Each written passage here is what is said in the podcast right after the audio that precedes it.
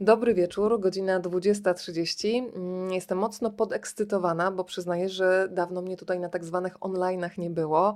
Trochę podróżowałam po Polsce, a dzisiaj z jednego miejsca z Polski, konkretnie z Warszawy, ale mentalnie już w Sopocie. I niezależnie od tego, gdzie dzisiaj nas Państwo będą słuchać i oglądać, to już teraz zapraszamy na literacki Sopot i meldujemy się u Joanny Cichockiej-Guli, y, dyrektorki Gojki 3, Art Inkubatora i dyrektorki festiwalu Literacki Sopot. Dobry wieczór. Dobry wieczór. Y, powiedzmy, gdzie dokładnie jesteśmy. Powiedziałam Gojki 3 Art Inkubator. To dla niewtajemniczonych. Y, gdyby mogła Pani, Pani Joanna uruchomić słowami obrazy, to poproszę o taką wycieczkę krajoznawczą. Gojki 3 to jest e, nowa instytucja. My od roku działamy w Sopocie w pięknej willi, w takim założeniu parkowo-willowym z przełomu XIX-XX wieku. I teraz gdybyście Państwo stanęli plecami do Grand Hotelu, no zapewne wszyscy wiedzą, gdzie jest Grand Hotel, udali się e, w taką podróż pod górę, to znaczy przeszli na drugą stronę ulicy i plecami do Grand Hotelu zaczęli maszerować w stronę Górnego Sopotu, to jest tam ulica Gojki, niedaleko mijamy korty tenisowe i, e, i kiedy już jesteśmy u końca tej ulicy, skręcamy w prawo i tam w parku ukryta jest nasza willa. Także jest to centrum, ale nieco odsunięte od tego najbardziej hałaśliwego e, miejsca, dosyć takie miejsce tajemnicze i intymne, mogłabym powiedzieć właściwie. Dzisiaj przy okazji Literackiego Sopotu będziemy zapraszać do różnych y, miejsc nad morzem, bo i Teatr Wybrzeże się pojawi, e, i Kościół, i Park, ale o tym za chwilę, e, ponieważ Literacki Sopot, 11 już edycja startuje w najbliższy czwartek, 18 sierpnia, to muszę zapytać o stan przygotowań, czy wszystko już jest zapięte na ostatni guzik, czy jak zwykle im bliżej, tym większe emocje i większa adrenalina. No, emocje są zawsze, ale to u nas się jakoś nie łączy ze stanem przygotowania. Emocje są dlatego, że zawsze nam zależy na tym, żeby jak najwięcej osób nas odwiedziło, żeby byli e, nasi słuchacze czy, czy odbiorcy tego, co przygotujemy, zadowoleni. Natomiast jeśli chodzi o przygotowania, no to myślę, że właściwie wszystko jest gotowe. Jak opowiadałam właśnie, że wczoraj e, gromadziliśmy meble, aby urządzić przestrzenie na gojki w naszym Art Inkubatorze, bo w tych przestrzeniach będziemy do tych przestrzeni będziemy mogli Państwa zaprosić w celu odsłuchania e, tekstu e, Andy Walsha, teatralnego, nagranego przez aktorów w Teatrze Polskiego Radia i te przestrzenie trzeba jakoś zaaranżować. Właśnie to się wczoraj odbywało na Gojki. Muszę jeszcze Państwu powiedzieć, że Pani Janna, która dzisiaj jest u Was e, w domu, być może jesteście gdzieś w trasie swoją drogą, dajcie też znać, w jakich okolicznościach przyrody nas e, słuchacie. Z wykształcenia jest producentką filmową. E, przez ponad 20 lat pracowała jako dziennikarka, reżyserka telewizyjna. Przez wiele lat była Panią wiceprezydent Sopotu i zastanawiam się, co jest łatwiejsze Pani Janno, dowodzenie ekipą festiwalową, czy zarządzanie miastem? No, oczywiście za, była Pani odpowiedzialna za pewien konkretny obszar, ale zastanawiam się, czy w ogóle te, te działalności można jakoś porównać. Ja myślę, że jak się kończy produkcję filmową, to można zarządzać absolutnie wszystkim. E, I to zresztą przykłady moich kolegów wskazują na to, że ludzie po takich kierunkach potem zajmują się bardzo różnymi rzeczami. E, zarządzanie to jest rzecz mm, to właściwie niezależnie od, e, od tematu i też e, zasięgu tego zarządzania, ono się opiera przede wszystkim na zespole i na tym, żeby mieć dobrą relację z ludźmi, którzy z nami pracują. Nasz zespół literackiego to jest zespół, który się sprawdził i razem jesteśmy od 11 lat. Myślę, że to nie chcemy, żeby się wdarła rutyna, ale pewne, pewne rzeczy możemy sobie już e, właściwie bez słów przekazywać i uważam, że ja mam wielki komfort pracy z, z, ludźmi, z którymi pracuję i jestem im bardzo za to wdzięczna, bo rzeczywiście są to specjaliści, którzy doskonale wiedzą, co robić. Z miastem jest inaczej, bo miasto jest bardziej złożonym tematem, i, e, no ale myślę, że można sobie poradzić jakoś to dzisiaj patrzymy na Panią jako na frontmentkę festiwalu, użyję takiego sformułowania, a gdybyśmy chcieli poznać kulisy, to ile osób tak naprawdę pracuje nad literackim Sopotem e, i z jak różnych miejsc, bo nie, to, są nie tylko osoby z Sopotu, trochę zamieniłyśmy dzisiaj słów przed tym, zanim pojawiłyśmy się u Państwa w domu, więc teraz czas upublicznić te nasze prywatne rozmowy, tak żeby dotarły również do innych uszu. No ja mieszkam w Gdańsku e, i większość koleżanek, które robią literackie, mieszka w Gdańsku albo w Gdyni. To takie ciekawe, bo to właśnie nie ma znaczenia, gdzie się mieszka, jeżeli się robi coś, co, co ma sens i, i jest dobrem, który się tworzy w jakimś miejscu, w tym przypadku w Sopocie. E, no, taki ścisły zespół to jest przede wszystkim Marta Czarnecka, która jest główną koordynatorką festiwalu i przez cały rok skrzętnie e, dłubie różne, różne rzeczy. E, jest oczywiście z nami jeszcze koleżanka, która zajmuje się promocją, Marta Szadowiak, kontaktem z mediami, E, to są dwie osoby, Agnieszka, z którą REK zaczynałam robić ten festiwal, to są trzy osoby, są jeszcze koleżanka odpowiadająca za teatr, inna za targi książek. W sumie to ścisła grupa ma nie więcej niż 10 osób. Potem oczywiście im bliżej festiwalu, to, to pojawiają się kolejni współpracownicy, bardzo wielu wolontariuszy. Chciałam powiedzieć, że to jest dla każdego festiwalu, w tym dla festiwalu literackiego rzecz podstawowa, żeby mieć wolontariuszy, którzy, którzy czują ten festiwal i wiem, że wiele festiwali zmagało się właśnie z problemem braku takiej pomocy. E, my nie możemy narzekać, także też chciałam pozdrowić wolontariuszy literackiego Sopotu. Ja jestem przekonana, że nic tak nie wiąże ludzi jak wspólna wrażliwość, a ta wrażliwość y, przyciąga do Festiwalu Literacki Sopot. Y, jeżeli chodzi o konkretne edycje, y, to są goście festiwalu. W zasadzie jest wybrane konkretne państwo. E, możemy wspominać, nie wiem, edycję kanadyjską czy włoską, w tym roku Irlandia. W jaki sposób dokonuje się tego wyboru? E, bo to jest też decyzja, tak jak kiedyś pani wspominała, że nie siedzicie sobie i nagle nie obracacie globusem i nagle o, tylko to jest zawsze jakiś konkretny powód, co zadecydowało o tym, że w tym roku literacki Sopot koncentruje się na Irlandii. Hmm. To jest właśnie taka dosyć skomplikowana sprawa, bo myśmy y, przez lata wybierały kraje, które, które nas interesowały, bo podstawą jest to, żeby książki e, autorów z danego kraju były tłumaczone na język polski, żeby były znane w Polsce, żeby można się było odnosić do czegoś, co ludzie są w stanie też wcześniej poznać. E, no ale też był taki motyw, my, my, nie jesteśmy festiwalem, który wprost odnosi się do spraw społecznych y, czy politycznych, ale poprzez debatę, rozmowę, właśnie to, co, o czym mówią autorzy w książkach, chcemy tych tematów dotykać.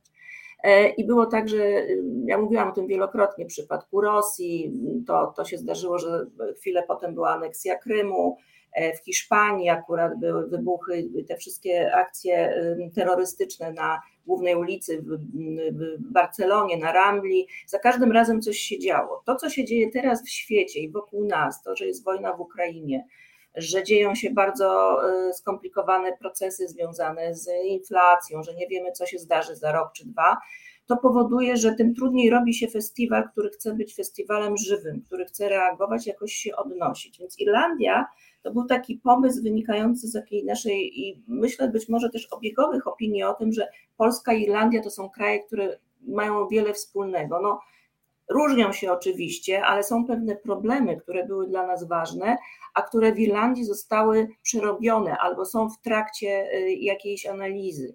Pierwszy problem to był problem związany z prawami kobiet, oczywiście. E, i tymi słynnymi strajkami, które się odbywały w Irlandii dotyczącymi likwidacji ósmej poprawki, która, która dotyczyła e, totalnego, całkowitego zakazu aborcji. A drugi temat to jest Kościół katolicki. Myśmy rzeczywiście też obserwując, wszyscy przecież obserwujemy przez ostatnie lata, co się dzieje, pomyślały sobie o tym, czego możemy się nauczyć od Irlandczyków. Jak to się dzieje, że kraj bardzo katolicki, a takim przecież była Irlandia, jest zdolny do zmiany, prawda? Że, że jednak się pojawia jakaś refleksja i że społeczeństwo jest w stanie wymóc tę zmianę. E, I myślę, że to są takie tematy, od których zaczęliśmy myślenie o Irlandii. No ale potem oczywiście uświadomiliśmy sobie, jak to jest kraj bogaty literacko, bo i kraj w pewnym sensie e, skrzywdzony, ponieważ e, jak wymieniamy najwybitnych, wymieniamy Joyce'a, czy, czy, czy innych wielkich e, Oscara Wilde'a, autorów, no to przed wszystkim się one kojarzą z Wielką Brytanią, tak? I Irlandczycy o tym mówią. My musimy bronić swoich, swojego, swojego dziedzictwa, musimy mówić o tym, że ci wszyscy wybitni autorzy to byli Irlandczycy, nie Brytyjczycy. Więc też z takiego poczucia, mm, nie wiem, jakiejś lojalności i postanowiłyśmy o tym powiedzieć, prawda? I podkreślić wielki wkład Irlandczyków w literaturę światową. Ja Państwu teraz wyświetliłam adres, pod który zdecydowanie warto zajrzeć, literacki.sopot.pl. Tam pełna lista gości, spotkań, debat, warsztatów. E, ja tradycyjnie mogę Państwu powiedzieć, co zagrało z moją wrażliwością, czyli przefiltrowałam sobie cały program i przyznam, że dar bilokacji by się przydał, bo dzieje się tak dużo ciekawych rzeczy. Zacznę od czegoś, co jest mi bardzo bliskie, czyli od radia, Ptasie Radio. E, bardzo podoba mi się ten zamysł. Fantastyczni prowadzący będą przed mikrofonem mikrofonem, więc przedstawmy ich i powiedzmy, gdzie, w jaki sposób można tego ptasiego radia Sopockiego posłuchać.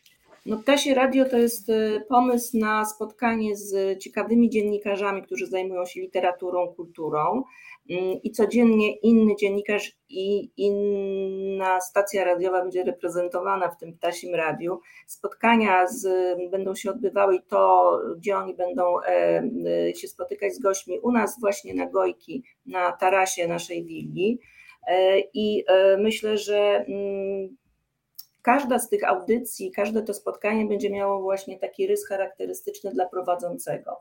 I spotkamy się z Łukaszem Wojtusikiem, który będzie rozmawiał w ramach RMF Classic. E, ja będę korzystać z kartki, bo rzeczywiście jest, jest tego bardzo, bardzo dużo. E, Justyna Suchecka, Natalia Szostak, e, TVN24, Wysokie Obcasy, one będą też rozmawiały w ramach Ptasiego Radia. Będzie też spotkanie z Michałem Nogasiem oczywiście e, i e, jeszcze jedno spotkanie. Agnieszka Obszańska Agnieszką jeszcze. Obszańską, tak. E, znając zainteresowania tych wszystkich osób i ich, ich taką no, bardzo rozpoznawalną nutę, to, to myślę, że każde z tych spotkań przyniesie trochę inne, inną wiedzę o naszym festiwalu, do innych sięgnie gości też naszego festiwalu. Także bardzo zachęcam do słuchania.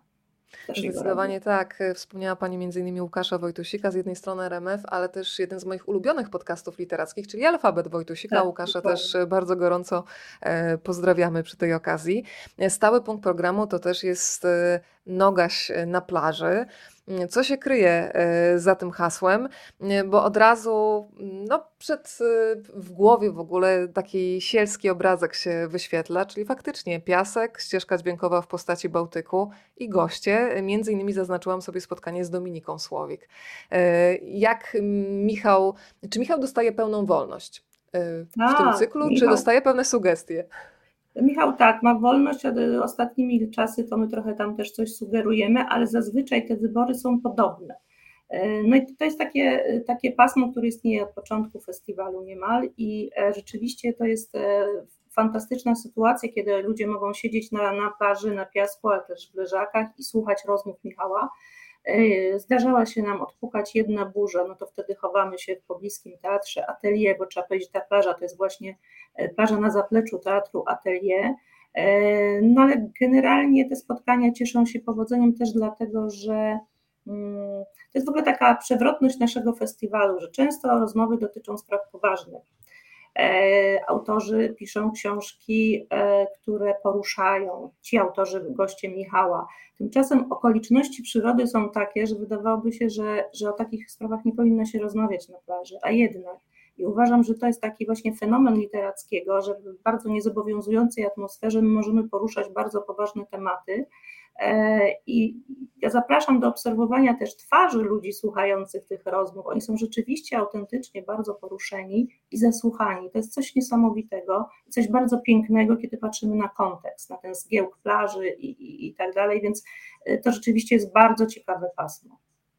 Takich momentów zatrzymania zdecydowanie nam potrzeba. Joanna Cichocka-Gula dzisiaj u Państwa w domu, e, szefowa Literackiego Sopotu Festiwalu, którego 11 już edycja wystartuje w najbliższy czwartek, 18 sierpnia. Wrócę jeszcze Pani Janno na sekundę do tego radia, e, żebyśmy dały taką konkretną wskazówkę, bo będzie można spotkać, jak rozumiem, prowadzących na tarasie, ale e, gdzie będzie można posłuchać, uruchomić sobie streaming? Czy to będzie na stronie Literackiego Sopotu? Tak, tak. jeżeli Państwo na przykład są dzisiaj tutaj, widzę, z Dolnego Śląska, z Płocka, z tak, Pruszkowa. Będzie, mhm. będzie na stronie Literackiego Sopotu. Wszystko, co streamujemy, a jest tego sporo, znajduje się na stronie Literackiego Sopotu. To teraz pytanie o Elizabeth Strout. Bardzo się cieszę, że z tą autorką będzie można się spotkać i to w pięknym miejscu, bo w Państwowej Galerii Sztuki. Przyznaję, że kilka dni temu byłam w tym miejscu. Można oglądać obrazy Fangora, Jana Dobkowskiego. E, czy będzie na żywo, czy będzie łączenie? Bo takie pytania też się teraz pojawiają bardzo często. Przyzwyczailiśmy się z konieczności do tego, że bardzo dużo festiwali literackich i nie tylko literackich odbywało się na zasadzie hybrydowej. Czy wszyscy goście festiwalu, w tym pani Elizabeth, będą osobiście, czy, czy są też przewidziane jakieś łączenia? No nie, dwie osoby, które, czyli pani Elizabeth i Colum McCann nie będą z nami obecne y, ciałem, ale będą łączenia online.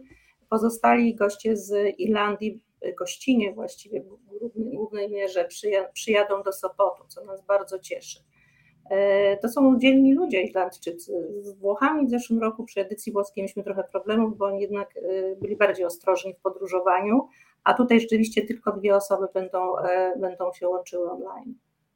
Z panią Elizabeth będzie rozmawiał Roman Kurkiewicz. Przypominam akurat to spotkanie w Państwowej Galerii Sztuki. Julek państw... Kurkiewicz, przepraszam, Julek Kurkiewicz. A ja powiedziałam co? Roman. Przepraszam, Juliusz dobrze, Kurkiewicz. Dobrze. Przepraszam bardzo Juliusza, ale faktycznie e, tutaj zbieżność nazwisk mnie zmyliła, tak, chociaż mam Juliusza na kartce, więc faktycznie dziękuję za, za czujność. E, to teraz jeszcze wyjaśnijmy trochę, mm, co kryje się za hasłem literacki quiz. E, tutaj klubokawiarnia Trzy Siostry wpisana w grafiku. To jeżeli ktoś chciałby spróbować swoich sił, to w jaki sposób może się do tego literackiego quizu przygotować? No teraz już trwają zapisy przez EWN na, do, do drużyn, prawda? Tworzą się drużyny, które potem uczestniczą w tym quizie prowadzonym przez Małgosię Muraszko. No i rzeczywiście trzeba się wykazać nie, niezwykłą wiedzą literacką, jest bardzo dużo różnych pytań, w tym pytania podchwytliwe, ale wiem, że w zeszłym roku to się niezmiernie udało. Web w web szły drużyny z Warszawy i z Krakowa, e, no ale jest ich o wiele więcej, także myślę, że to jest bardzo, to z jednej strony jest nie, bardzo nieformalna sytuacja, a bo klubo kawiarnia Trzy Siostry oczywiście ma taki charakter bardzo rodzinny i bardzo sympatyczny, a z drugiej strony rzeczywiście wymaga dużej wiedzy, także myślę, że to jest wyzwanie dla wielu osób i bardzo zachęcam do wzięcia udziału w tym quizie to chciałabym jeszcze, żebyśmy podkreśliły mm, pasmo, które pojawia się nie po raz pierwszy na literackim Sopocie. E, I nie ukrywam, że to jest jeden z tych punktów, który mnie bardzo interesuje pasmo niepamięć. Mm, wyjątkowi goście w tym roku i też ta tematyka, o której Pani wspominała, że tematyka bardzo istotna, bardzo poważna. E, o której będzie można rozmawiać e, z gośćmi, którzy każdy z zaproszonych gości porusza oczywiście mm, inne tematy, ale jednak jest jakiś wspólny mianownik. Nie pamięć. Rozwijmy proszę ten wątek. Tak, to jest takie pasmo, które robimy od kilku lat i które jest dla nas niezwykle ważne. My oczywiście robiliśmy też wcześniej, robimy nadal pasmo H Historia, ale te, mm, bardzo nam zależy na takich bardzo osobistych y, opowieściach i w paśmie niepamięć często autorzy odnoszą się do historii własnych rodzin, do historii jakichś miejsc e, i, i ten osobisty taki, taki ton w, w, tych, w, tych, y, w tych relacjach jest niezwykle cenny, bo rzeczywiście jest coś takiego, że coraz więcej osób poszukuje korzeni, prawda, rekonstruuje historię rodzin, jakieś genealogie, ale też rozlicza się z przeszłością własnych rodzin, sięga do dziadków, e, do, do jakichś mrocznych często stron, e, które się wiążą z historią rodziny. W tym roku mamy takich wspaniałych gości jak Piotr Stankiewicz, Piotr Paziński, Zlatko Enef, Katarzyna Surmiak-Domańska. Ja uważam, że to są autorzy, którzy i książki, które na pewno będą dla Państwa e, niezwykle poruszające i te rozmowy mogą być też bardzo poruszające. Ja zgadzam się z tym, co powiedział podczas jednej z edycji festiwalu Philip Springer, E, że ci goście podczas literackiego Sopotu e, są rodzajem takiej wskazówki, po jakie tytuły warto sięgnąć, bo to wszystko jest bardzo precyzyjnie przemyślane i ja przyznaję, że po raz kolejny dostałam taką mobilizację, żeby sięgnąć po czystkę Katarzyny Surmiak-Domańskiej. O tej książce też wspominał całkiem niedawno e, Mariusz Szczygieł, między innymi w swojej książce Fakty muszą zatańczyć, a Złatko Enef, o którym pani wspomniała, pozwoli porozmawiać o bardzo trudnym temacie, o takiej przymusowej zmianie nazwisk bułgarskich Turków w połowie lat 80. XX wieku. To działanie miało doprowadzić do wynarodowienia i likwidacji mniejszości narodowej. Bardzo traumatyczne wydarzenie w nowej bułgarskiej historii, o której myślę, że bardzo mało wiemy. I mhm. cieszy tak, mnie to, że w Sopocie, tak. tak, że ten temat zostanie podjęty.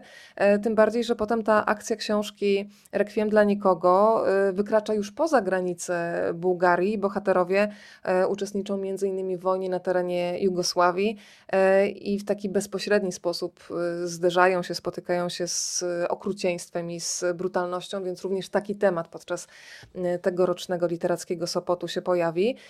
A jeżeli chodzi o Katarzynę Surmiak-Domańską, jej czystkę, E, no to to będzie też rozmowa o tym, jak wyglądało życie na Kresach i zaczyna w zasadzie pani Kasia od takiej pozornej idylii przedwojennej, e, pisze o wielokulturowości, no a potem przechodzimy przez e, grozę wojny i horror rzezi wołyńsko-galicyjskiej.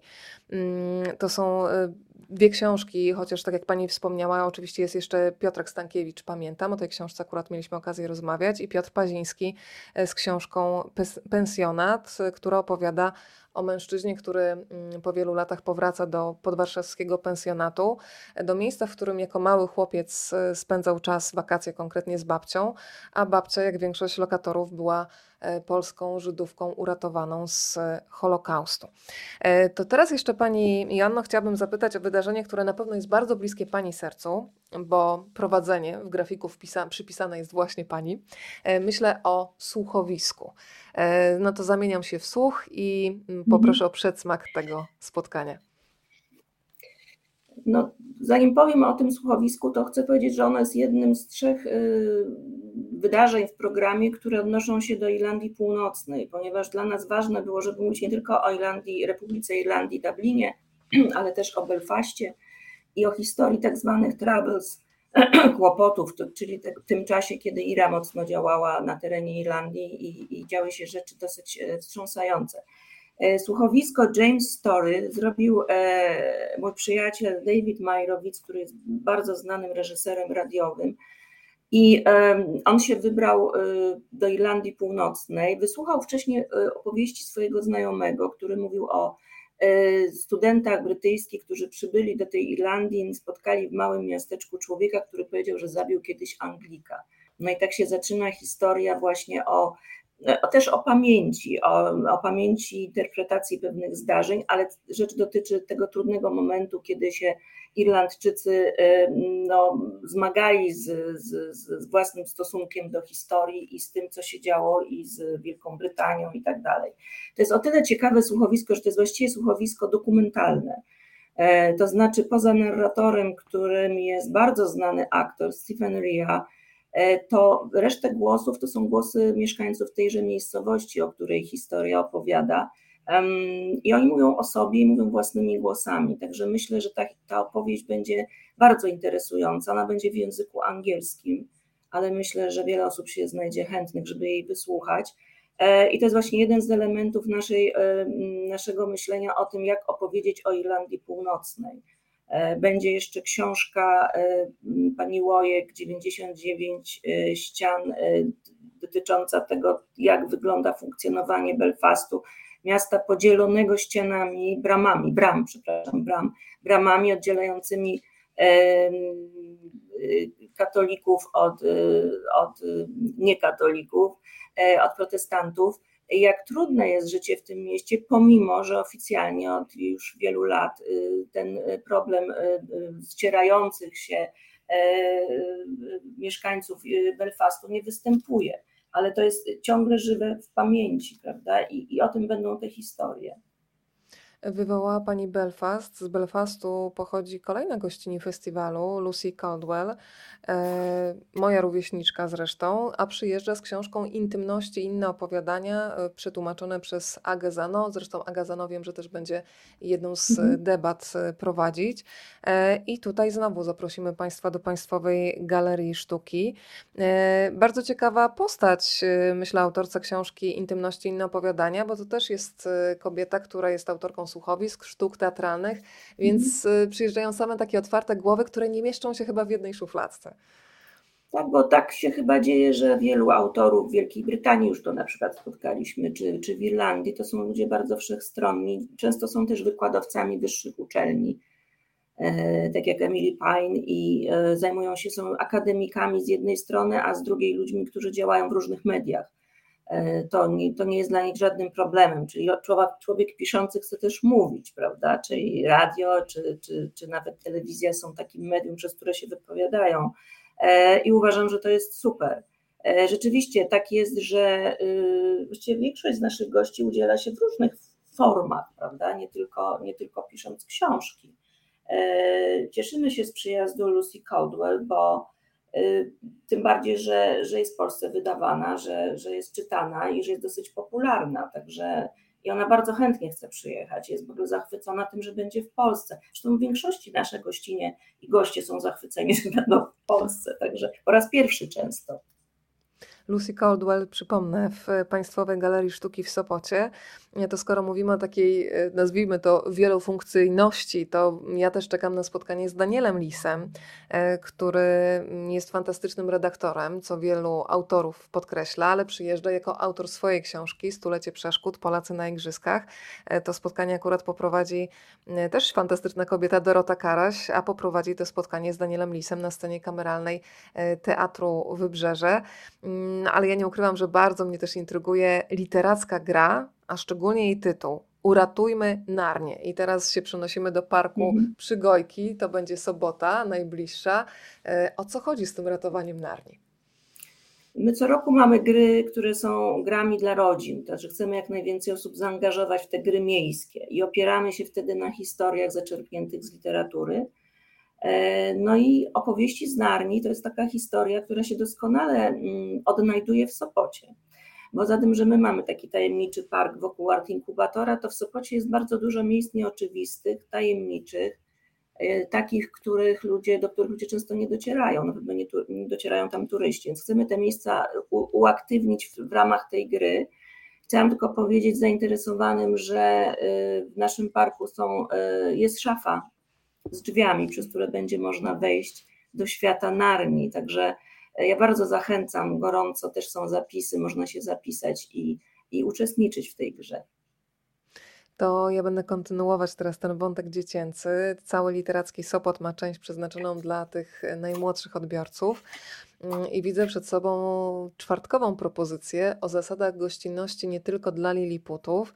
E, przed nami rodzinne czytanie fragmentów podróży Gullivera, e, ale potem też mamy świat oczami mm, Liliputa. Fragmenty powieści podróży Gullivera przeczyta Wojciech Stachura z Teatru Miniatura, e, ale bardzo też cieszy mnie zapowiedź warsztatów dla dorosłych pod hasłem Jak to jest być wielkoludem. I mamy warsztaty dla dzieci, co myślimy o dorosłych. E, tutaj się chyba może wydarzyć e, wszystko. Jak to wygląda, jeżeli chodzi o doświadczenie z poprzednich edycji? E, ja uwielbiam spotkania z dziećmi, bo nic się nie da zaplanować, ale w tym jest tyle szczerości, tyle autentyczności i mam wrażenie, że te dzieciaki pozwalają naszej wyobraźni nie zardzewieć, więc jak pani pani Joanna wspomina poprzednie edycje właśnie z udziałem tych najmłodszych uczestników. No, my mamy też kilka innych, to, to co, o czym mówimy, to będzie miało miejsce w ogrodzie, w innym ogrodzie, w ogrodzie Muzeum Sopotu, też w bardzo pięknym tak. miejscu. No, ale też uaktywniamy Park Północny i różne inne przestrzenie plenerowe na takie y, dla dzieci różne małe wydarzenia, czytania, gry i tak dalej. Natomiast jeśli chodzi o literaturę, to rzeczywiście co roku e, jakąś książkę y, też z kanonu tych lektur dziecięcych próbujemy przybliżyć w formie, w formie y, gier, zabaw. E, też zapraszamy też ilustratorów książek dla dzieci z kraju, który jest gościem, e, żeby dzieci mogły wspólnie tworzyć.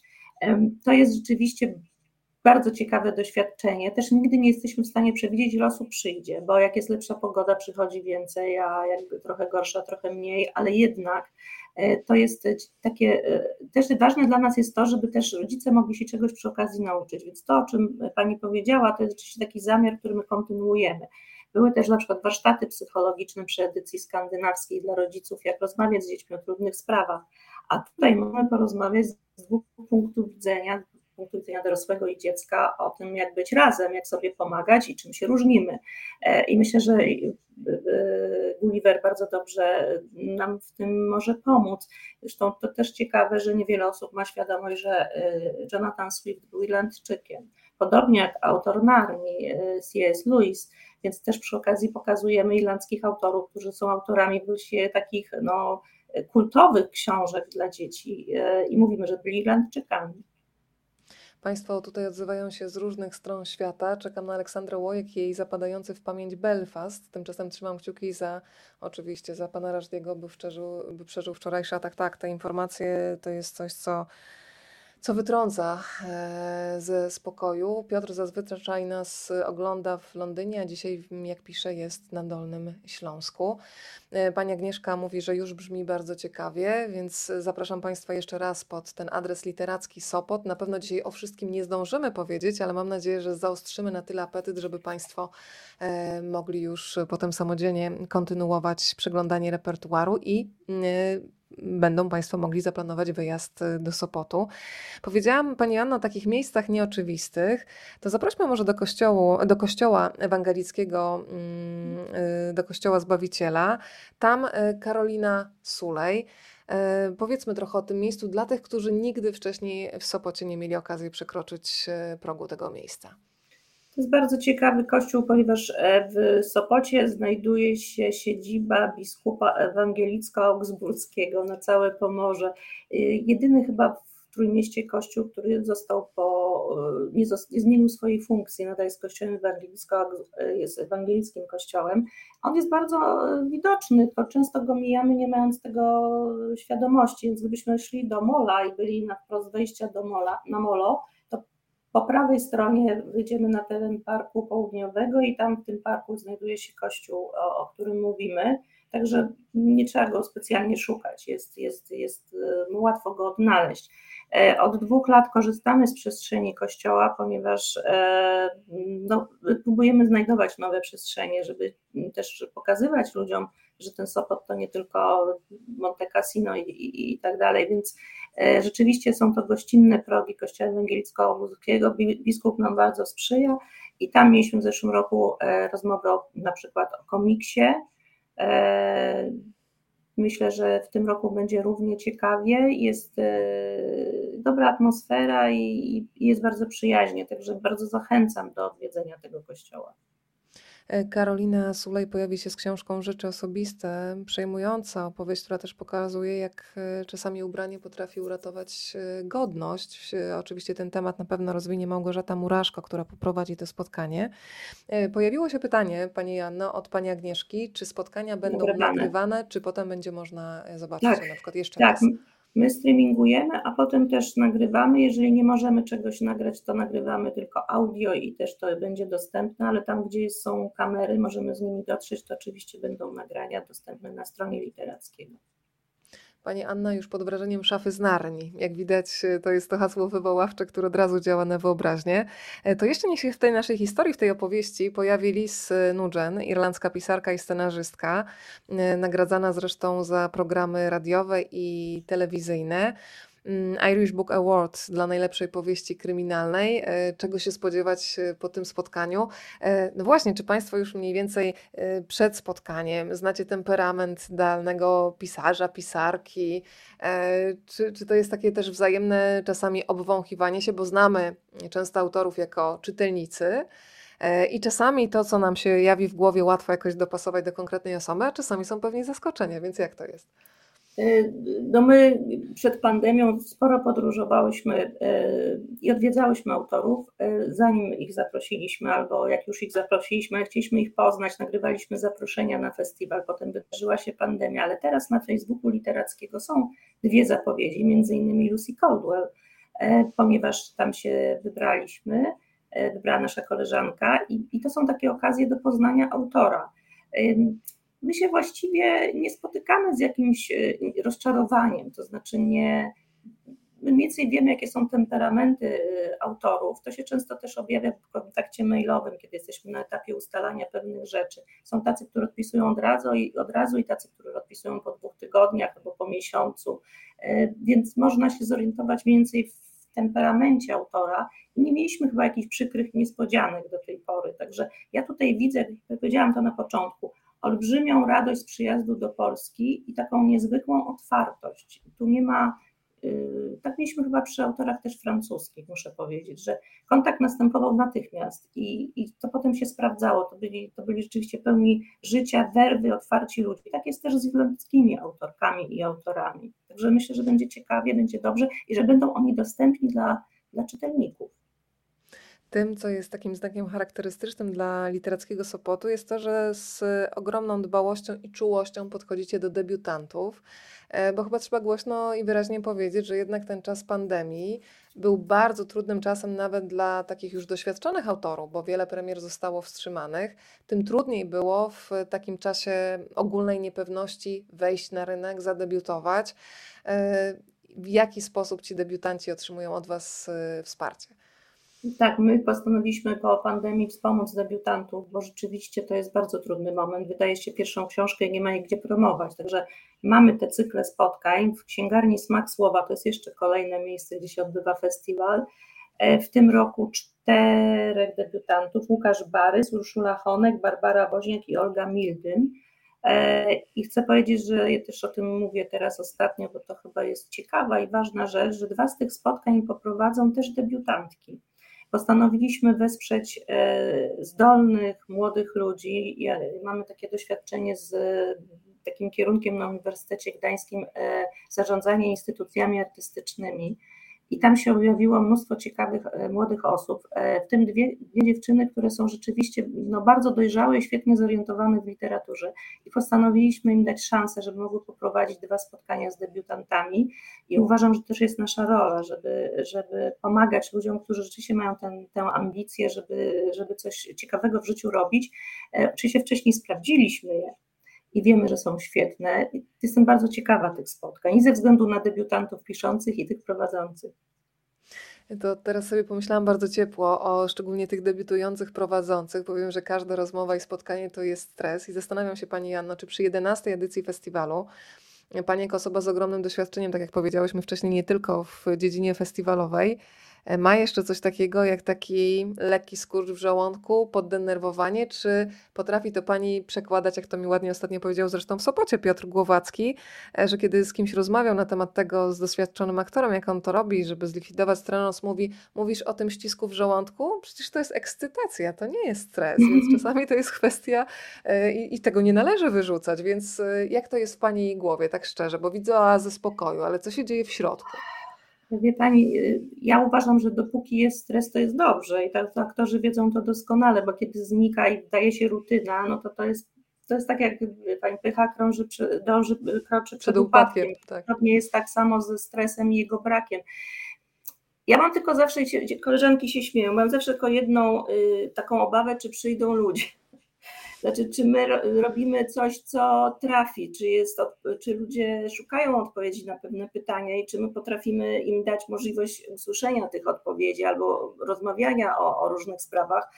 To jest moja jedyna obawa, no jak dotąd odpukać, ale rzeczywiście publiczność mamy wspaniałą i bardzo aktywną i, i, i wierną w wielu momentach. Mm, a co do spraw organizacyjnych, no tak jak mówiłam, mam, mamy tutaj wspaniały zespół i jestem po prostu bardzo szczęśliwa i dumna, że ten zespół e, pracuje ciągle z taką samą pasją, co jest po 11 latach ważne. Pracuje bardzo profesjonalnie i kompetentnie i żyje ze sobą w zgodzie, co jest moim zdaniem w ogóle warunkiem sine qua non w ogóle działania jakiegokolwiek. E, dlatego też być może e, jestem spokojna. Naprawdę. Tutaj są fani na pokładzie, jesteście super, pani Edyta pisze, więc od razu y, przekazuję. To jeszcze jedno miejsce namierzmy dla tych, którzy są spoza Sopotu. Y, zresztą piękna nazwa, Plac Przyjaciół Sopotu w takim przyjacielskim gronie po prostu trzeba się spotkać i na Placu Przyjaciół Sopotu e, targi książki. To mhm. znowu zrobimy sobie jakieś takie punkty odniesienia dla tych, którzy przyjadą i będą się zastanawiać, gdzie znaleźć targi książki. No to nie jest akurat trudne, bo jak wysiądą Państwo z pociągu w Sopocie i ruszą na ulicę Monte Cassino, czyli główną ulicę miasta, to, to ona doprowadzi Państwa do Placu Przyjaciół Sopotu. I tam rzeczywiście po raz kolejny targi książek, mnóstwo wydawnictw świetnych.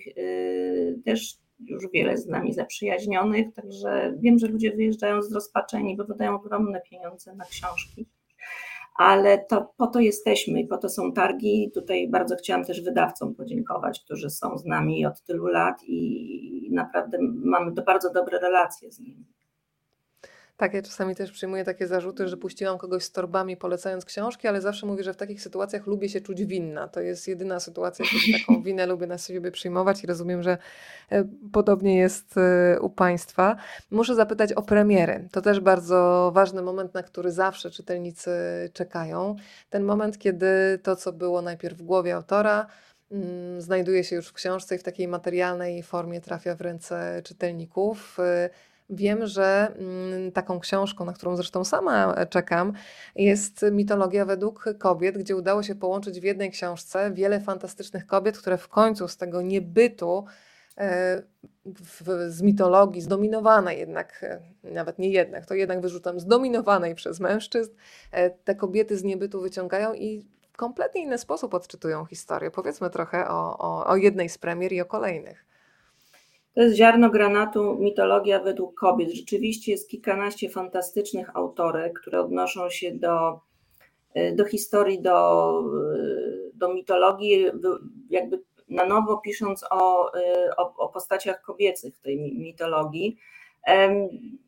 To jest, to jest to, co się pojawiło jakiś czas temu, czyli hair story, prawda? Czyli to są opowieści kobiet o kobietach z punktu widzenia kobiecego. E, to jest niezwykle interesujące. Ja w ogóle uważam tę książkę za bardzo cenną, bo ona w formie literackiej, pięknej, napisanej przez świetne autorki, e, znowu mówi o tym, co, co dla nas na festiwalu jest bardzo ważne, żeby o kobietach nie zapominać, żeby pamiętać o ich sile, e, o ich determinacji i o tym, że jak pięknymi są, są osobami. I uważam, że ta książka to, to jest taka książka, jaki hołd dla kobiet, prawda? Więc bardzo ją polecam oczywiście. Miałam okazję ostatnio do rozmowy z Olą Zbroją, jedną z pań, która brała udział w tym projekcie. Ona akurat zabrała się za Eurydykę. Kogo jeszcze Państwo spotkają w tej książce, proszę sprawdzić. Kasia Boni między innymi, e, ale wszystkiego nie mogę zdradzać, więc tutaj już e, postawię akurat w tym przypadku kropkę.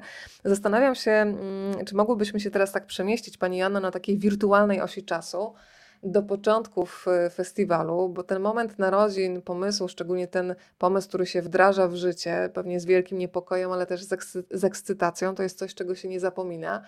Z ilu ust Pani usłyszała, że na przykład to nie ma racji bytu, to się nie uda? Chodzi mi o to, żeby pokazać, jak dużej determinacji wymaga zrealizowanie takiego y, przedsięwzięcia. I żeby, jeżeli ma się coś w głowie, w co się wierzy, żeby iść nawet tip-topkami, krok do przodu. Chodzi mi o to, żeby zmobilizować, którzy być może teraz w głowie mają jakiś pomysł, niekoniecznie związany z festiwalem, ale coś, co boją się zacząć, e, a potem się okazuje, że, że mogą mieć tak piękne przeżycia jak literacki Sopot, to już po raz jedenasty. Więc jak to wyglądało w tym momencie narodzin?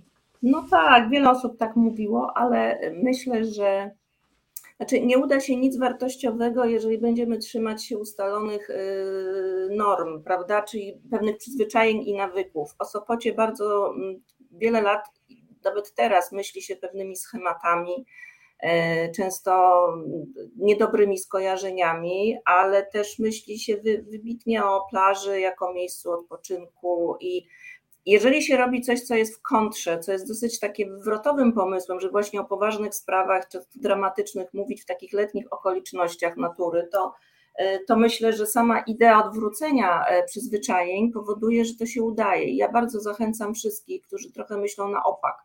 To znaczy nie myślą e, linearnie tak jak większość, tylko myślą trochę pod prąd, żeby realizowali swoje projekty bo one się na pewno udadzą, natomiast jakość ich, y, charakter i, i, i tak dalej już z samego założenia będzie lepsza i będzie inna. Nie zawsze korciły różne rzeczy. To znaczy, ja bardzo lubię wkładać kij w mrowisko i tak jest też z art inkubatorem, który jest być może trudny do, jako idea do zrozumienia, ale to jest też miejsce, które powoduje, że powstają bardzo ciekawe i wartościowe rzeczy, idąc jakby też w kontrze pewnym przyzwyczajem do tego, jak wyglądać powinna instytucja kultury w takim mieście.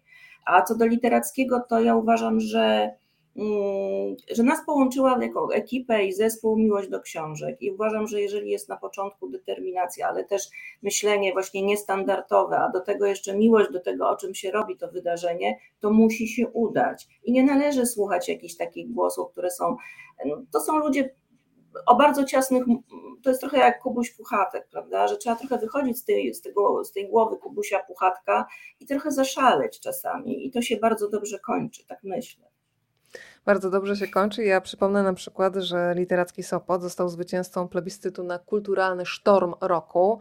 E, sztorm się kojarzy naprawdę z takimi warunkami działania, często właśnie pod presją i w trudnych warunkach, ale jednocześnie jak się przeżyje sztorm, no to jest się po prostu żeglarzem roku, mogę powiedzieć. Ale to, co mi się jeszcze bardzo podoba w Literackim Sopocie, to, że mm, doprowadziła Pani, Pani Janno między innymi do tego, że powstała cała koalicja letnich festiwali literackich i że w końcu nie ma czegoś, co jest jednak w wielu branżach bardzo mocno obecne, czyli jakaś konkurencja, zawieść, rywalizacja, tylko pokazanie, że tak naprawdę wszyscy, którzy kochamy książki, gramy jeden mecz, jesteśmy jedną drużyną. E, jak szybko ten pomysł się pojawił i jaka była odpowiedź? Czy od razu wszyscy byli na tak? Znaczy ja powiem tak, y, pomysł był naszej koleżanki Marty Szodowia, która, która pomyślała o, tym, o, tym, o tej koalicji, a ja po początku byłam wstrzemięźliwa, ponieważ właśnie to, o czym Pani mówi, powodowało, że zastanawiałam się, jak to będzie, czy nie będziemy rywalizować, czy nie będziemy sobie robić na złość i tak dalej. Marta, i Marta miała tę ideę i po prostu w pewnym momencie mnie do niej przekonała. E, bardzo szybko udało nam się y, zgromadzić y, twórców tych festiwali, które są teraz w koalicji i, zjednoczyć. I powiem tak, rzeczywiście, w tej chwili koalicja jest taką niepodważalną wartością i ewenementem, bo, y, bo y, ona udowadnia, że można się y, pięknie różnić, że my często też dyskutujemy, mówimy o własnych problemach, chcemy sobie jakoś pomagać, chcemy się pokazywać, bo przecież te streamingi są takie crossowe, prawda? Pokazujemy tak. się nawzajem. E, to jest też przykład tego, jak po prostu można się lubić w kulturze, e, bo ten element rywalizacji jest niestety dojmujący, a nam jest totalnie obcy. I gdyby któraś z tych e, osób, które przystąpiły ze swoim festiwalem, zaczęła brykać, mówiąc po prostu, czyli, czyli robić jakieś nieładne rzeczy, to natychmiast byśmy wykluczyli ten festiwal, a tymczasem nam się udaje utrzymać jakoś całość, bo bo bardzo chcemy i, i mam jeden cel, żeby sobie pomagać. To też rzeczywiście jest dosyć rzadkie w dzisiejszych czasach.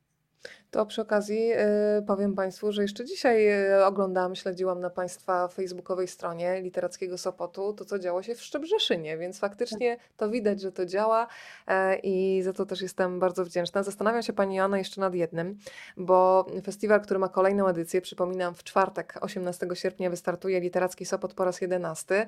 Rozwija się w naturalny sposób. Są pomysły oczywiście ekipy organizującej całe przedsięwzięcie, ale zastanawiam się, jak wiele podpowiada opowiadają też sami widzowie, zachwyceni, zakochani, ale na przykład siedzą i mówią, Chciałbym jeszcze, żeby na przykład jak już był komiks, to nie wiem, pojawiła się fantastyka albo coś jeszcze rzucam teraz e, tak zupełnie w kosmos te pomysły.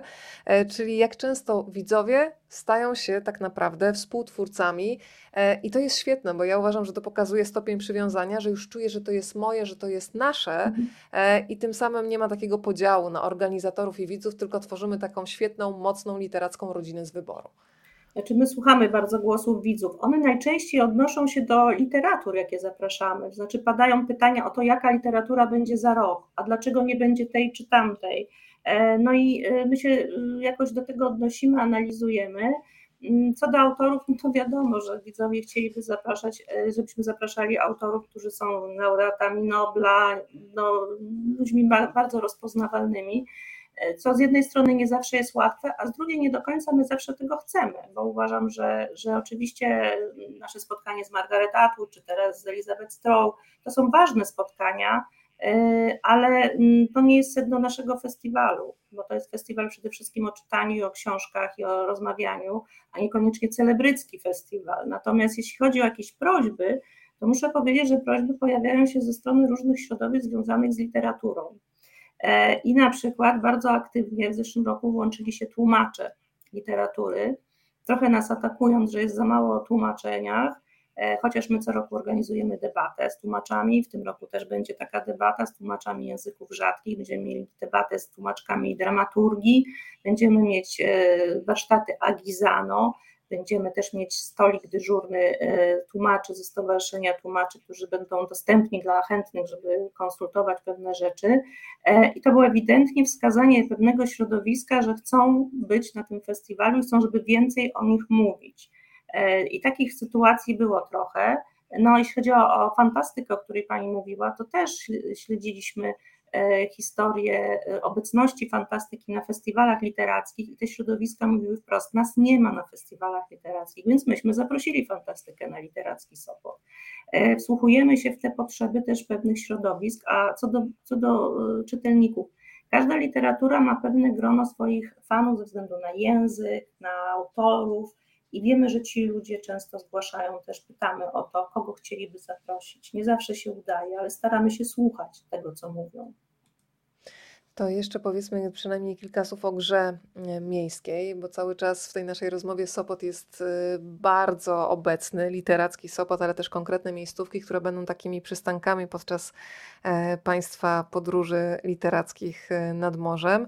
Mm, można się jakoś do tej gry miejskiej przygotować? Hm.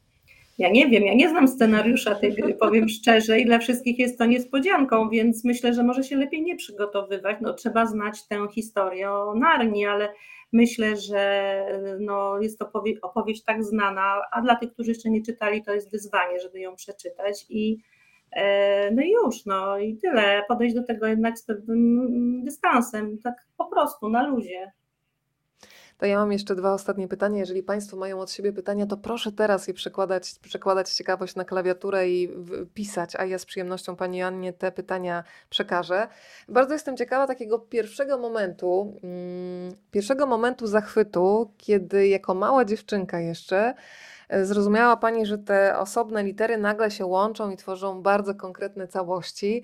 E, ja zawsze sobie przypominam tatę, z którym siedziałam, który prasował i naprawdę mam wrażenie, że on rozprostowywał te ubrania i uczył mnie czytać i ja nagle zobaczyłam, że to wszystko się łączy, więc on rozprostowywał ubrania, ja rozprostowywała, rozprostowywałam pierwsze zdania e, i w zasadzie od momentu, kiedy się nauczyłam czytać, zamęczałam potem rodzinę czytaniem na głos e, i ten rytm języka, melodia, potem gdzieś się pewnie przynosiła na radio, więc zastanawiam się taki pierwszy moment, kiedy złapała Pani to, że czytanie daje jednak dostęp do tysięcy różnych światów. Ja miałam wtedy chyba 5 czy 6 lat i wycięto mi trzeci migdał. Byłam chora i leżałam w łóżku i miałam właściwie nie książkę, tylko taką e, ilustrowaną historię o Guciu, nie pamiętam co to było, e, i były dymki z drukowanymi literkami. Myślę, że te drukowane literki mi trochę pomogły i to zaczęło się składać w całość. Czyli moje pierwsze czytanie kojarzy mi się z wyciętym migdałem. E, no potem oczywiście, jak, jak każdy wie Pani, to było czytanie pod pod kołdrą i czytanie dwóch, trzech książek jednocześnie, bo to jest taki czas nastolatkowy, kiedy się po prostu chłonie wszystko. Zresztą moja córka to samo wykonywała. E, I myślę, że, e, że, że, że no to jest oczywiście otwarcie bramy do wszystkiego, prawda? Czytanie. Nagle się człowiek, e, nagle się człowiek orientuje, że ten świat jest niezwykle bogaty, prawda? Że, że, że, że to nie jest po prostu rzeczywistość, tylko że są te światy takie zaklęte. Za... Ja bardzo szybko, szybko przestałam czytać bajki. E, bardziej mnie interesowały jakieś konkretne historie opowieści o, o ludziach, biografie, tam wnikanie. Ja w ogóle wolno czytam, to powiem tak, bo ja się zadumam zawsze nad jakąś stroną albo nad jakimś zdaniem i strasznie wolno mi idzie. To mi zostało ale takie momenty zatrzymania są szczególnie cenne. Mm, ja przyznaję, że bardzo często, znaczy teraz się trochę to zmieniło, ale miałam taki moment y, zawstydzenia, że na przykład nie znam danego tytułu czy autora, ale stwierdziłam, że nawet czytając codziennie po kilka godzin dziennie tak robię, nie jesteśmy w stanie znać wszystkiego. Jakoś mnie uspokoił podział ludzkości dokonany przez Mariusza Szczygła na nieoczytanych, niedoczytanych i oczytanych. I jakoś bardzo dobrze się czuję z tym hasłem niedoczytany, niedoczytana, bo mam wrażenie, że cały czas jest jeszcze wiele spraw i autorów y, do poznania. Mm, co ostatnio Panią zachwyciło, Pani Joanno, z takich y, odkryć albo z lektur, które być może pojawiły się na rynku księgarskim już dawno temu, ale teraz Pani jako czytelniczka do nich dojrzała albo po prostu znalazła czas, bo wydaje się teraz tak dużo książek, że po prostu nie sposób być non-stop na bieżąco ze wszystkim. Ja myślę, że ta książka o Belfaście i o tych, y, o tych bramach w Belfaście bardzo, mi się, bardzo mnie poruszyła, tym bardziej, że byłyśmy w Belfaście niedawno Mm, Tajicą jak się spotkałyśmy i to konfrontacja tego, co napisała z tym, co jest, co można zobaczyć, czego można dotknąć, ale też ca, cała rzecz pomiędzy, to, to jest rzeczywiście bardzo, bardzo mocne i wstrząsające. Wie Pani co, ja jestem z takiego pokolenia, w którym się yy, dawno temu przeczytało klasykę całą, tam wszystko się przeczytało. Zresztą teraz często jak wymyślamy debaty, to ja sięgam do moich jakichś takich fascynacji z czasów studenckich z dawna i okazuje się, że to wszystko jest ciągle aktualne. E, I, oczy, I myślę tak, że to, co najważniejsze, zostało już napisane. A wszystko to, co jest teraz, to może powiem coś bardzo niepopularnego, jest wariacją na, te, na temat tego, co już zostało napisane, bo poza może takimi bardzo osobistymi e, historiami, które no właśnie takimi jak niepamięć, prawda, gdzie jednak się bazuje na rzeczach osobistych, to pewne uniwersalne rzeczy są ciągle te same, prawda? I e, ja się, ja dużo czytam, ale rzadko się zachwycam jakąś książką, powiem wprost. E, to tym bardziej cena będzie teraz wskazówka, tak, jeszcze jakiś może jeden tytuł, skoro tak, tak rzadki zachwyt, tym bardziej cenny. Mm, ja lubię czytać też dramaturgię, bo ja się też trochę fascynowałam, czy no zdawałam reżyserię teatralną w tym moim życiu całym więc myślę, że gdybyśmy mogli sięgnąć do e, tłumaczeń e, Małgorzaty Semil, literatury brytyjskiej, irlandzkiej, e, to rzeczywiście tam jest jakieś niesamowite bogactwo i ja bym zachęcała do czytania też dramatu, niekoniecznie beletrystyki czy, czy reportażu.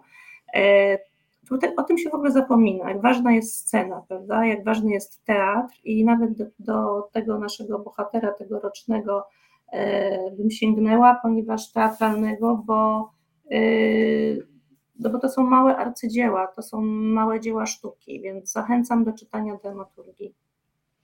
Powiedziała Pani o tym wyciętym migdale i Pani Agnieszka napisała, że ona udawała chorobę, żeby nie iść do szkoły i zostać w łóżku i obstawić się książkami. Teraz myślę, że tata dobrze wiedział, ale grał w moją grę. E, fantastyczne wspomnienia, pozdrawiamy Pani Agnieszko.